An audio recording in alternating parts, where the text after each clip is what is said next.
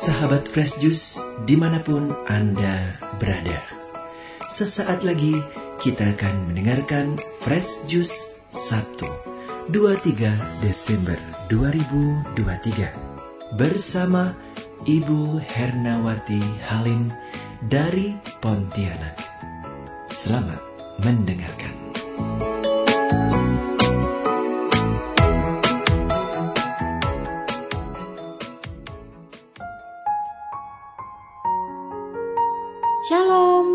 Sahabat-sahabat Daily Fresh Juice yang terkasih dalam Tuhan kita Yesus Kristus. Semoga kita semua selalu berada dalam keadaan yang sehat, penuh kasih, damai, sukacita, dan sejahtera. Bersama dengan saya Herna dari Pontianak, kita sungguh bersyukur atas anugerah hari yang baru pada hari ini tanggal 23 Desember 2023. Mari Bersama kita mengawali aktivitas yang akan dijalani sepanjang hari ini dengan terlebih dulu merenungkan firman Tuhan dari Injil Lukas bab 1 ayat 57 sampai dengan 66. Dimuliakanlah Tuhan. Genaplah bulannya bagi Elizabeth untuk bersalin dan ia pun melahirkan seorang anak laki-laki. Ketika tetangga-tetangganya serta sanak saudaranya mendengar bahwa Tuhan telah menunjukkan rahmatnya yang begitu besar kepadanya, bersukacitalah mereka bersama-sama dengan dia. Maka datanglah mereka pada hari yang kedelapan untuk menyunatkan anak itu. Dan mereka hendak menamai dia Zakaria menurut nama bapaknya. Tetapi ibunya berkata, Jangan, ia harus dinamai Yohanes. Kata mereka kepadanya, "Tidak ada di antara sanak saudaramu yang bernama demikian." Lalu mereka memberi isyarat kepada bapaknya untuk bertanya, "Nama apa yang hendak diberikannya kepada anaknya itu?" Ia meminta batu tulis, lalu menuliskan kata-kata ini. Namanya adalah Yohanes. Dan mereka pun heran semuanya. Dan seketika itu juga terbukalah mulutnya dan terlepaslah lidahnya. Lalu ia berkata-kata dan memuji Allah. Maka ketakutanlah semua orang yang tinggal di sekitarnya dan segala peristiwa itu menjadi buah tutur di seluruh pegunungan Yudea. Dan semua orang yang mendengarkannya, merenungkannya dan berkata, menjadi apakah anak ini nanti? Sebab tangan Tuhan menyertai dia. Demikianlah sabda Tuhan. Terpujilah Kristus. Sahabat-sahabat Daily Fresh yang terkasih, dalam pesta pernikahan di Kana, saat tuan rumah kehabisan anggur, Bunda Maria ada di sana dan berpesan pada para pelayan yang ada. Apa yang dikatakan kepadamu, buatlah itu. Maka saat Yesus menyuruh para pelayan tersebut untuk mengisi air di tempayan, mereka taat saja meskipun tidak mengerti. Dan mukjizat pun terjadi. Air berubah menjadi anggur yang terbaik. Demikian pula kisah Imam Zakaria dan Elizabeth dalam perikop Injil hari ini yang sangat meneguhkan kita bagaimana bersikap taat kepada Tuhan. Tuhan menggenapi janjinya melalui mimpi yang disampaikan malaikat kepada Imam Zakaria bahwa istrinya Elizabeth di masa tuanya dan mandul akan melahirkan seorang anak laki-laki. Secara medis ya jelas ini mustahil. Namun jika Tuhan sudah berkenan maka semuanya menjadi mungkin. Imam Zakaria dan Elizabeth bisa saja menolak kehendak Tuhan, namun mereka sungguh-sungguh umat Allah yang taat. Bahkan sampai menentang tradisi yang memberi nama anak sesuai marga orang tua melainkan memberi nama sesuai pesan malaikat Tuhan, yaitu Yohanes, yang artinya Tuhan sudah memberikan belas kasihan. Imam Zakaria yang semulanya bisu mengalami mukjizat, dapat berkata-kata dan memuji Allah.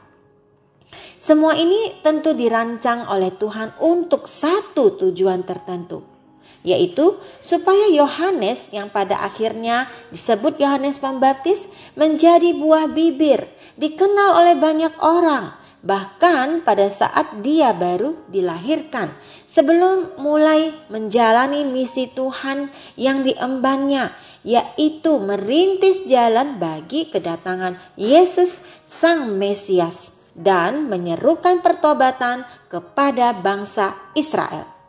Sungguh suatu tugas mulia yang berat, sulit, penuh kerja keras dan tantangan yang sangat amat berat. Karena bangsa ini sering melawan Tuhan dan bertegar hati dalam kedosaan mereka.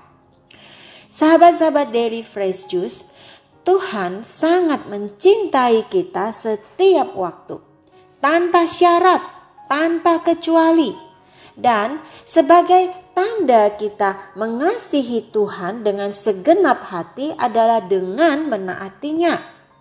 Dalam Yohanes bab 14 ayat 15 berbunyi, "Jikalau kamu mengasihi aku, maka kamu akan menerit, menuruti segala perintahku." Kita dipanggil untuk taat dengan sempurna dalam menghadapi berbagai pergumulan, tantangan, permasalahan hidup serupa dengan Yesus yang taat kepada Bapaknya hingga wafatnya di kayu salib menebus dosa umat manusia. Untuk mampu taat sepenuhnya bukan berarti tidak ada tantangan, karena ya hidup manusia ada naik, ada turunnya kan. Saat semua baik dan lancar, mudah untuk taat.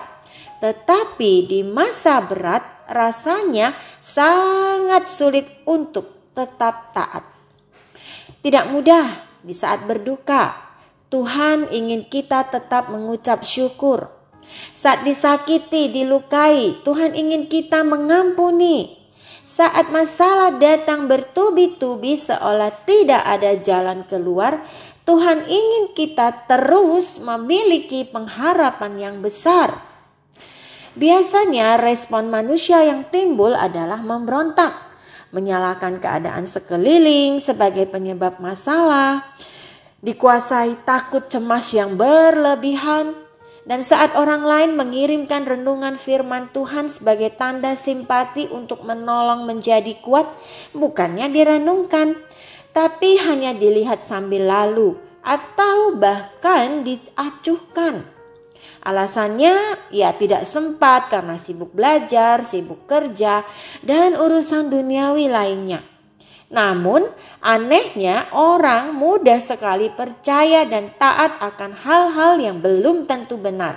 Berita-berita hoax ini dan itu di media sosial, di keadaan lingkungan sekitar, dibandingkan dengan firman Tuhan yang sudah teruji ribuan tahun lamanya. Miris ya, Padahal di dalam Amsal bab 13 ayat 13 mengingatkan bahwa siapa meremehkan firman ia akan menanggung akibatnya. Tetapi siapa taat kepada perintah akan menerima balasan. Ibarat orang asing yang menempuh suatu perjalanan panjang, kita perlu taat kepada Tuhan. Karena dialah yang merancang tujuan dan segala jalan hidup kita sehingga kita tidak tersesat di dunia ini. Ya, tentu saja ini adalah suatu proses pembelajaran yang tidak bisa didapat secara instan, seperti membalik telapak tangan.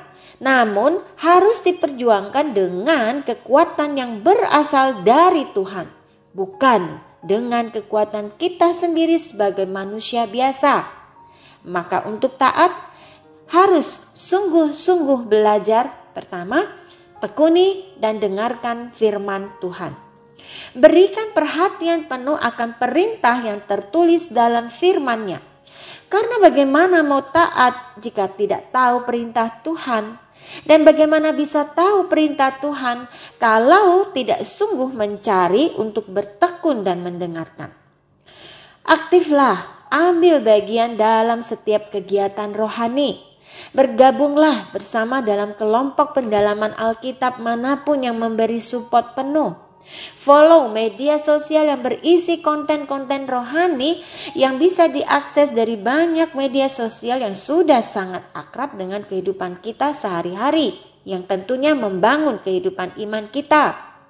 Mari ambil keputusan iman untuk berkomitmen kuat memulai langkah awal mau mendalami firman Tuhan di dalam Alkitab. Kedua, rendah hati.